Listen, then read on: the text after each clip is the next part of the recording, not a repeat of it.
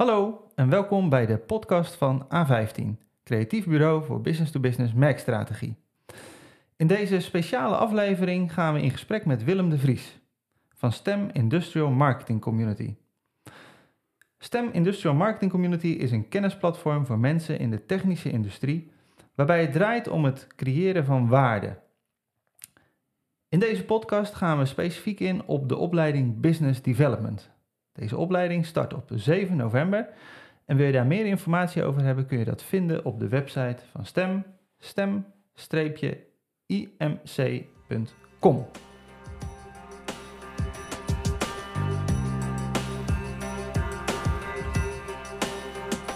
Dat zeg ik goed, hè Willem? Helemaal goed. Dank je wel, heel goed. Uh, Willem, om te beginnen, um, ik zeg uh, STEM is bedoeld voor mensen in de technische industrie. Maar voor wie is dan die opleiding Business Development bedoeld? Dat is vooral voor mensen die zelf een technische achtergrond hebben en eigenlijk meer zouden willen weten over hoe je nou eigenlijk business development organiseert. En bij business development hebben we het eigenlijk over marketing, maar dan met name strategische marketing.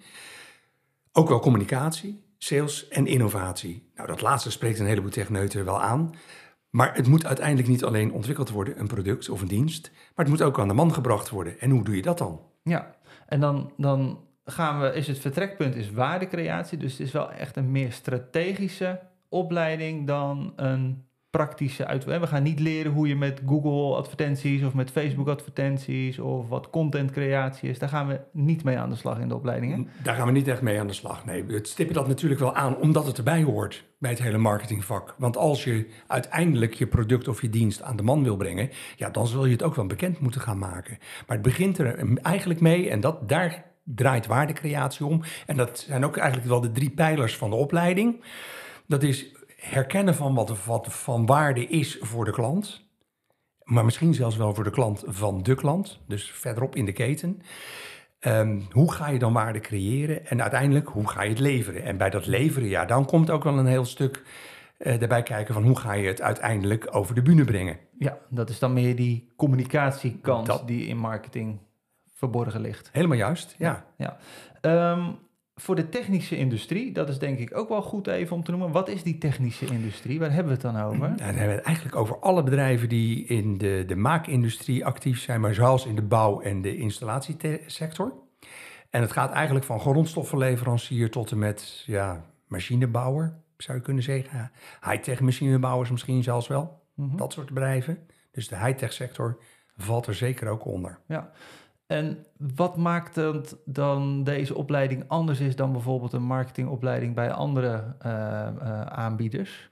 Nou, ten eerste, als we het over de opleiding zelf hebben, dan hebben we het vaak over. Wij hebben het eigenlijk alleen maar over die, die business-to-business keten. En dat maakt denk ik het grote verschil tussen business-to-business marketing en business-to-consumer marketing, waar die andere opleidingen zoveel op zitten. Uh, het grote verschil is dat je bij business to consumer, dan werk je vanuit een bedrijf wat een product of een dienst levert. Misschien via de retailkanalen, de detailhandel, naar de consument toe. Maar je hebt wel een één op één. Nou ja, je hebt een contact met de klant. Eén op één is misschien wat overdreven, want dat is juist heel veel massa mediaal nog. Uh, bij business to business hebben we het juist over die keten. Dus de grondstoffenleverancier die een grondstof levert aan een bewerker. En een bewerker die uiteindelijk dan weer levert aan een bedrijf. wat misschien wel weer daar producten van gaat maken. Kijk even naar kunststof. Vanuit aardolie maken we granulaat. Wat uiteindelijk omgezet gaat worden in, nou misschien wel een plastic zakje. Ja, ja. Nou, en het mooie is, eh, dat heb ik zelf mogen ervaren tijdens de opleiding, dat uh, op het moment dat je met mensen die ook in die technische industrie werkzaam zijn, uh, samen in een klas zit, dat ook de, ja, de praktijkervaringen en de voorbeelden die dan over tafel gaan heel herkenbaar zijn voor iedereen. Ja, dat is, dat is denk ik wel ook een van de krachten van het, het, het verhaal. A, we hebben dus nooit mensen in de klas zitten die echt tot die business-to-consumer marketing behoren. En dan, ja, ik wil veel meer weten over uh, hoe je nou die massa aanspreekt. Want het gaat bij business-to-business niet om massa, maar het gaat ook om de voorbeelden. En wat ook heel opvallend is, en dat zal je ook bemerkt hebben, is dat eigenlijk iedereen die binnenkomt zegt van ja, maar mijn business is echt heel erg bijzonder. Ja, tuurlijk, jouw business is. Ja, nee, misschien is jouw product wel heel erg bijzonder. Maar uiteindelijk het bedrijven van de business Ja, daar zitten een aantal overkoepelende kenmerken in. En het leren van elkaar dat het bij jou, wat dat betreft, toch niet heel erg veel anders is, de problematiek, dan bij een ander. Maar dat je er wel uiteindelijk een oplossing voor moet vinden. Ja, dat, dat stimuleert ook een heleboel mensen om mee aan de slag te gaan. Ja. Je leert ook echt van elkaar. Ehm, tijdens de lessen, of eigenlijk aan het einde van elke les, eh, vraag je altijd: eh, wat is je grootste eh, takeaway van, van deze les? Dat is een van de slotvragen die, je die je stelt. Wat, wat vond jij in de afgelopen jaren een van de mooiste takeaways die je gehoord hebt van deelnemers? Oei, van de afgelopen jaar. Nou, er, er resoneert er bij mij altijd eentje die, die komt van iemand van een research and development afdeling. En die zei, ik zal nooit marketeer worden, maar ik begrijp ze nu beter. Dat vind ik een hele mooie. Ja. Eh, want daarmee ga je dus die interactie tussen elkaar aan. Dat was trouwens een dame van een research and development afdeling van een vrij grote onderneming. Praat ik over duizend plus medewerkers. Dus echt wel zo'n bedrijf met ook wat silo's. Ehm, ja, en, en, en de afgelopen keer met de medewerkers hoor ik juist heel veel terug van. Ik, ik weet nu een klein beetje beter hoe dat hele proces in elkaar zit. En het is wel heel veel waar je aan moet denken, maar het is ook heel belangrijk om daaraan te denken. Want zomaar een product of een dienst op de markt zetten, ja, dat lukt niet.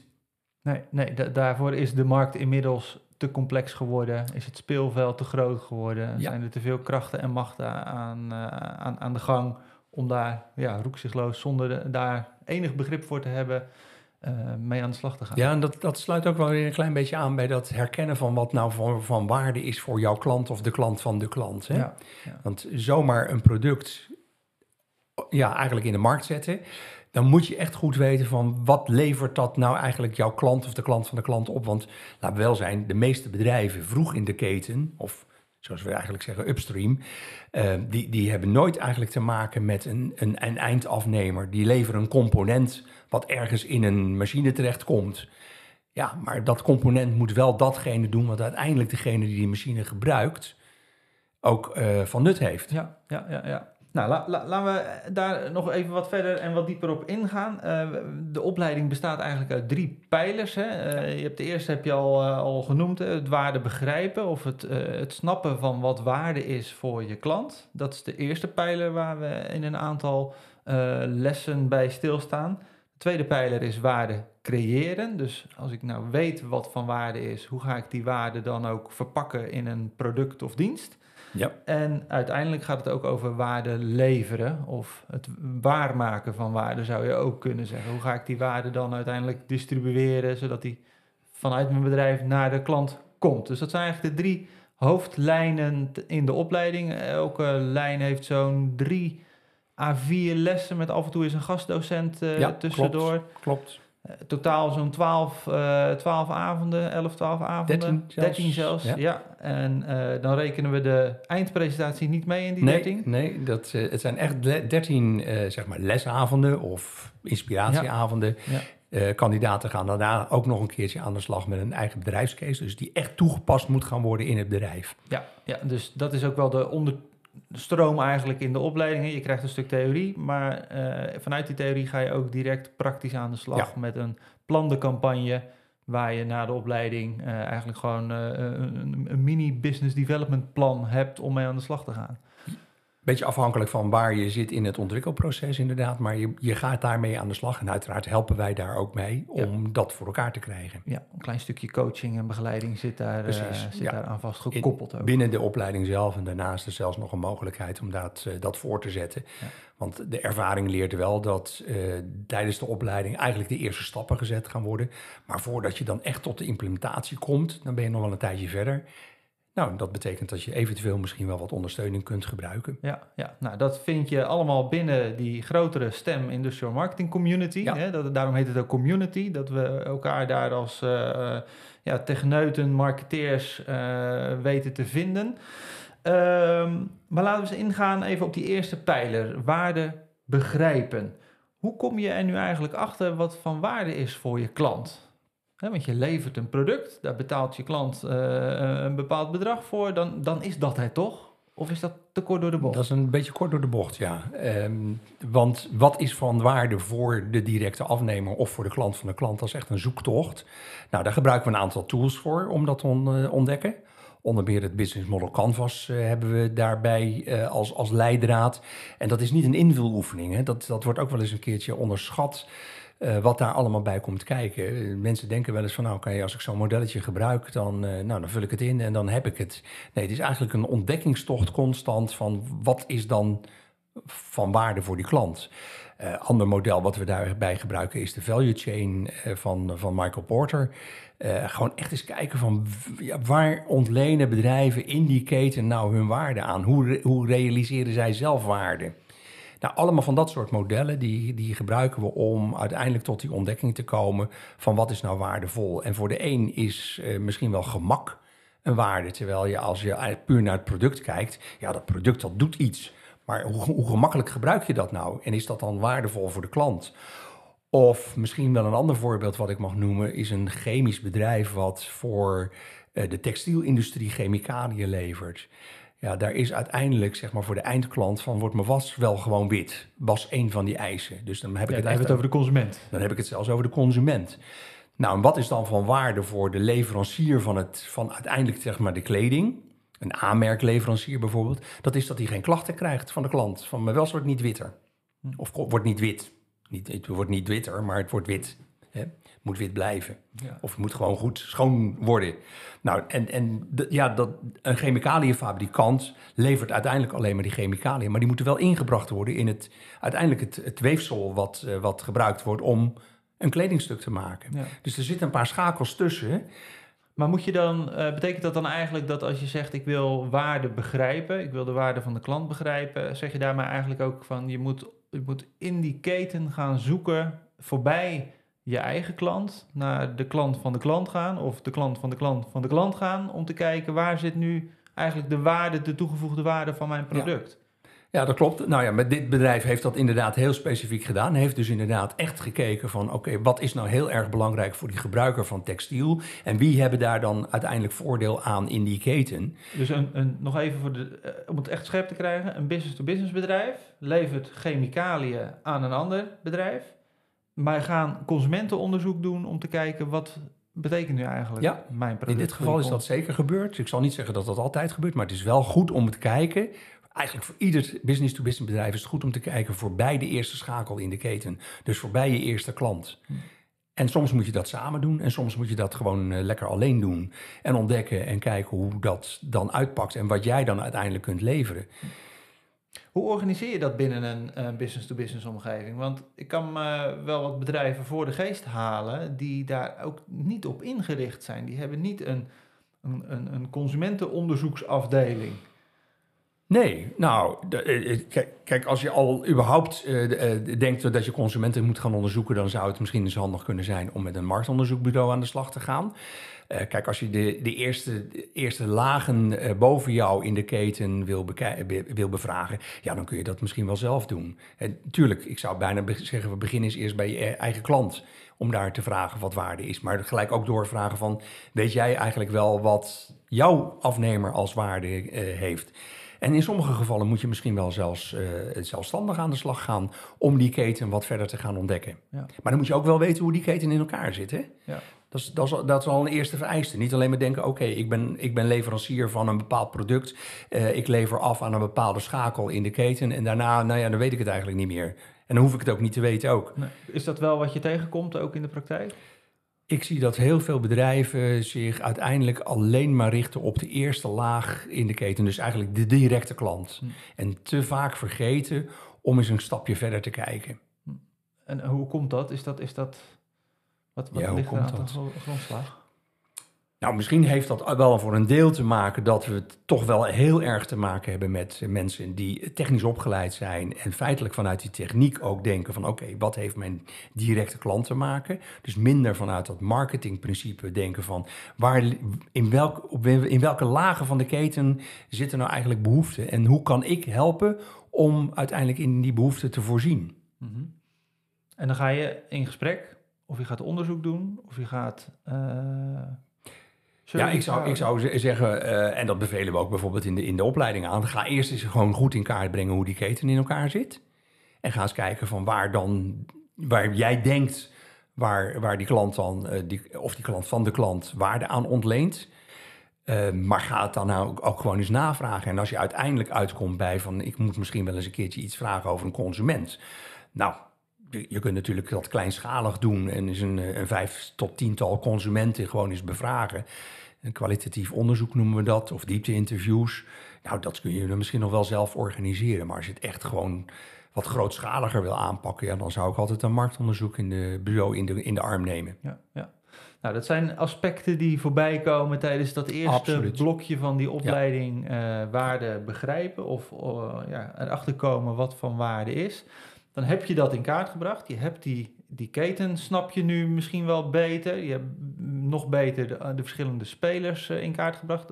misschien wel een aardig aspect wat ik nog wel wil toevoegen is, zeker binnen business-to-business -business marketing, is dat je niet met één klant te maken hebt, maar met een DMU, een Decision Making Unit. Dus uh, meerdere personen die meebeslissen over de, aankoop van jouw product.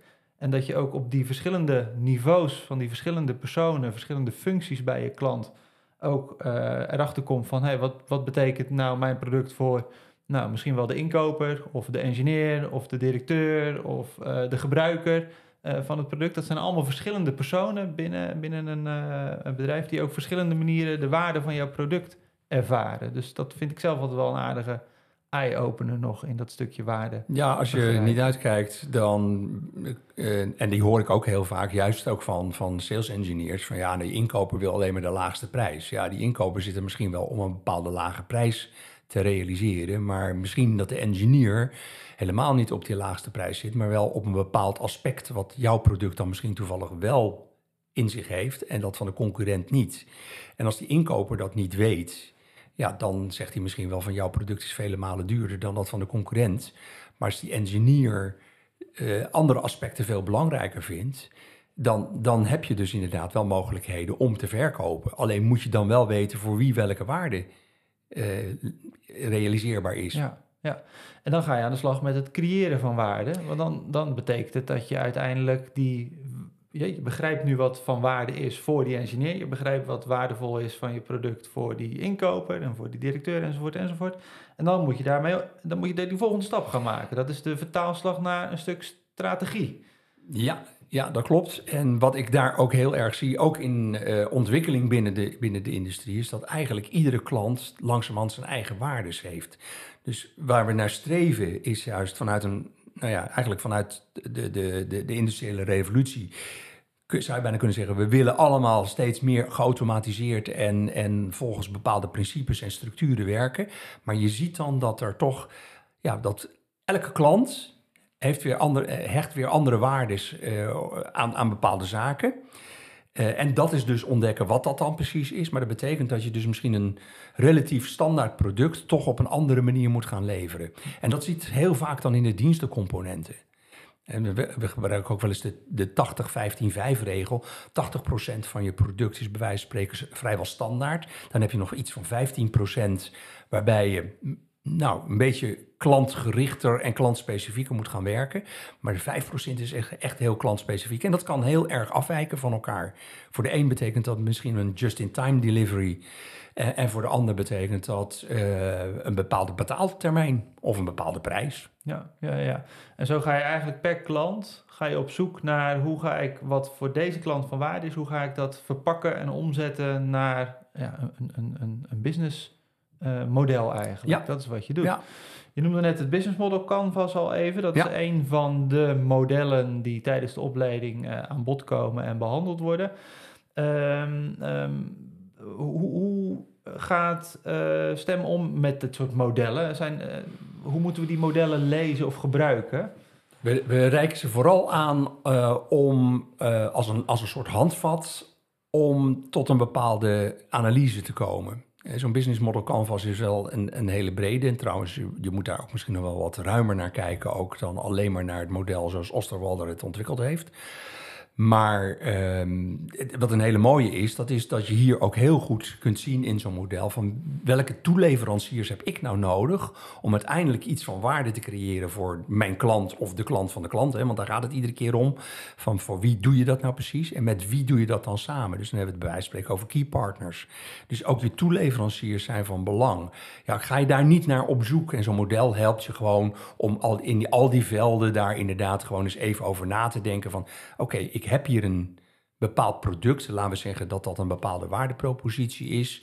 Ehm, wie gebruik ik daar nou bij in de toeleverketen? Voor welke klanttypologieën is dat nou precies? En dat zijn allemaal denkmodelletjes. En ja, wat we vooral ook enthousiasmeren is om te kijken van draai eens bepaalde dingen om. Stel nou dat je die toeleverancier, dat dat eigenlijk niet meer een key partner is, maar dat je dat misschien wel zelf moet gaan doen. Eh, of dat je juist iets zelf doet en dat je zegt van ja, ik, ik ben daar helemaal niet zo sterk in. Ik moet eens misschien gaan kijken naar een bepaald bedrijf wat dat eh, voor mij levert. Ja, dus zijn echt denkrichtingen. Ja. Ja. ja. Eh, Dus in die zin, het, het gaat niet over de invuloefening van het model zelf, maar het gaat echt wel meer over wat is nou de toepassing en wat voor informatie haal je boven water door zo'n model te gebruiken. Hè? Het is, Door zo'n model eens eventjes in te vullen en dan te gaan kijken van oké, wat, wat betekent nou als ik ergens mee ga schuiven? ja, ja, ja, ja. Want ik zie ook wel in de techniek dat heel veel, heel veel mensen het eigenlijk erg leuk vinden om heel veel dingen zelf te doen. Maar ik denk dat, de, dat techniek ook wel heel erg complex geworden is en dat je het niet meer allemaal zelf kunt. Ja, ja. Heb, heb je een voorbeeld waarbij eh, waardecreatie, dus echt het maken van een businessmodel, ehm, ehm, hoe, dat, hoe dat tot stand gekomen is? Ik heb jou eerder gezegd van ehm, een, een eierbroedmachinebouwer. Daar wilden we naartoe. Daar wilden we naartoe. Ja, ja, ja. Le- Leg die casus eens uit. Hoe is dat? Hoe is dat ja, gegaan? nou, dat is een machinebouwer. Die ging, eh, uiteindelijk is die in de, in de eierbroedmachines terechtgekomen. Nou, zo gebeurt dat. En wat die uiteindelijk gedaan heeft, is eh, gezegd van ja, wij, wij verkopen die machines wel, maar er is ontzettend veel kennis bij de eierbroederijen. Die boeren die eh, dus uiteindelijk kippen hebben die eieren leggen en die uitgebroed moeten worden. En dat gaat dan via die machines. Eh, maar er is ook heel veel weest, bijvoorbeeld. Hè? Want eh, een, eh, een kip legt een ei en dat kan een hennetje worden of dat kan een haantje worden. En wat tot op heden gebeurde, nou ja, tot op heden, dus tot een aantal jaar geleden gebeurde, is dat al die eieren uitgebroed werden. Want ja, je kon dat niet detecteren. Nou, zij hebben bijvoorbeeld ontdekt dat een van de kostenposten is alles uitbroeden terwijl je dan uiteindelijk met hennen en hanen komt te zitten. Terwijl met de hanen, eh, daar kun je niet veel meer mee, want je hebt hennetjes nodig om weer van eh, legkippen van te maken. Want er moeten weer nieuwe eieren gelegd worden. Ehm, dus die, die, die, die hennetjes, dat is eigenlijk weest, om het maar, of die haantjes, dat is eigenlijk weest, om maar zo te zeggen. Nou, dat hebben ze ontdekt. En wat ze onder meer gedaan hebben, is een, een systeem ontwikkeld waarbij ze al in, het, eh, in een vroegtijdig stadium kunnen detecteren of een, in een ei een hennetje zit of een haantje zit. Vraag me niet hoe, maar ze doen het. Dat komt doordat ze onderzocht hebben van wat zijn kostenposten bij die eierbroederij. En vervolgens van hoe kunnen wij daar een oplossing voor bieden.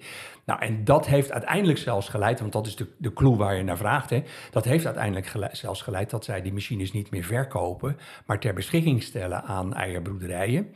En op basis van eh, feitelijk het gebruik daarvan afgerekend worden. Ja, dat is een heel, een heel ander model dan een machine moeten verkopen. De tegenprestatie die daar tegenover geleverd wordt, wederzijds is, zij verzamelen weer heel veel data van die eierbroederijen van die broedmachines. En kunnen daar dus meer uiteindelijk weer aan hun afnemers weer een verrijking geven van joh, bij die temperatuur doet het net even wat beter dan bij een andere temperatuur. Of stel eens even dit soort zaken in. Ehm, en daarmee kunnen ze dus uiteindelijk helpen om het productieproces te optimaliseren in de broederij. Dus zij zijn eigenlijk vanuit een, een productleverancier, een machinebouwer, zijn zij eigenlijk een dienstenleverancier Ja, geworden. nou ja, dit is, dit is letterlijk een voorbeeld van wat we dan in marketingtermen servitization of servitisering noemen. Het, het niet meer verkopen van een product, maar uiteindelijk het aanleveren van een productiemiddel. En op basis daarvan uiteindelijk een bepaald afrekenmodel hebben. Ja, ja, ja, ja, ja. Ja, mo- mooi voorbeeld. Hè? Dus eh, zeker de- deze casus eh, maakt het wel heel duidelijk. Eh, Je merkt bij de klant hè, dat een bepaald eh, principe van waarde is, namelijk het verminderen van waste. Ehm, daar ga je vervolgens mee aan de slag. Je gaat kijken hoe kan ik mijn product zodanig aanpassen dat ik mijn klant help met het verminderen van waste. En zeker in deze tijd van duurzaamheid is dat natuurlijk nogal best wel belangrijk. maar dan moet je het ook nog naar je klant brengen. Dan komen we bij het derde aspect van de opleiding en dat is waarde leveren. Hoe breng je dan vervolgens die waarde, die waardepropositie, dat nieuwe verhaal, hoe breng je dat dan naar de klant? Ja, er zijn verschillende methodes voor. En eh, vooral heel goed weten van. uiteindelijk kom je dan toch weer terug op van heel goed weten wat voor waarde is van die klant. En dat op verschillende manieren natuurlijk communiceren. En dat gaat sowieso via de salesmensen natuurlijk. Maar die moeten dan dat verhaal wel goed weten te brengen. Die moeten dat wel goed over, de, over het voetlicht weten te brengen. Hoe dat uiteindelijk uh, weer voordeel oplevert voor, uh, voor, voor nou, in dit geval dan die broederij. En je hebt het aan de ene kant over wees, maar aan de andere kant is het ook productieverbetering van het, uh, van het andere deel, hè? dus de, van, de, van, de, van de hennen. Die ja, je resultaat gaat verdubbeld eigenlijk. Ja, ja. Ja. ja. En dan moet je in dit geval ook nog eens een keertje gaan vertellen van... joh, moet je luisteren, wij verkopen die machine eigenlijk niet meer aan jou... maar we stellen hem op een bepaalde manier uh, ter beschikking. Nou, dat is ook nog een verhaal wat je moet doen. En daar komt natuurlijk ook het hele communicatieverhaal wel weer bij te kijken.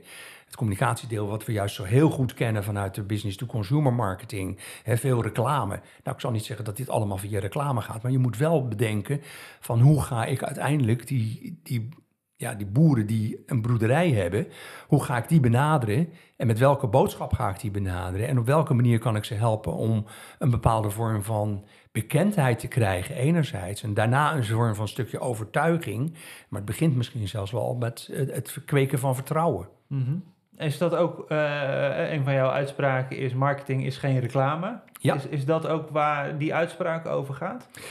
Ja, die uitspraak gaat uh, zeker daarover, maar die gaat ook eigenlijk wel over de misvatting dat marketing door heel veel mensen uitgelegd wordt. Oh ja, maar dat is reclame maken. En dan hoor ik in de techniek er ook nog vaak achteraan, maar dat hebben we niet nodig, want we hebben een heel goed product.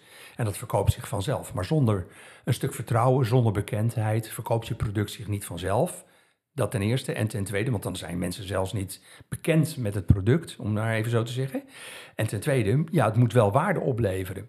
En als, als die waarde op een andere manier gerealiseerd kan worden door een afnemer, ja, dan hebben ze jouw product misschien geen eens meer nodig. Nee, dus dan heb je misschien niet een directe uh, concurrentie op productniveau, maar dan wel uh, een alternatief voor jouw product, waardoor je uh, misschien ook wel buitenspel komt ja. staan. Ja, ja, en dat, dat, dat gebeurt ook wel. Hè? Dat, dat in bepaalde ketens opeens een totaal ander producttype aan de orde is om uh, bijvoorbeeld, nou ja, jij kent het ongetwijfeld zelf ook wel van hijsmaterialen. Nou, er was natuurlijk staal, was, was het middel, was ongeveer touw en staal. Um, vooral voor uh, heel zware elementen werd staal gebruikt, stalen kettingen. Maar er zijn inmiddels andere materialen die uit de kunststoffensfeer komen, aramide-materialen, die misschien zelfs wel sterker zijn dan staal. Alleen ja, als je dat niet goed over, weet over te brengen, dat dat materiaal ook daadwerkelijk stel, sterker is en betrouwbaarder is.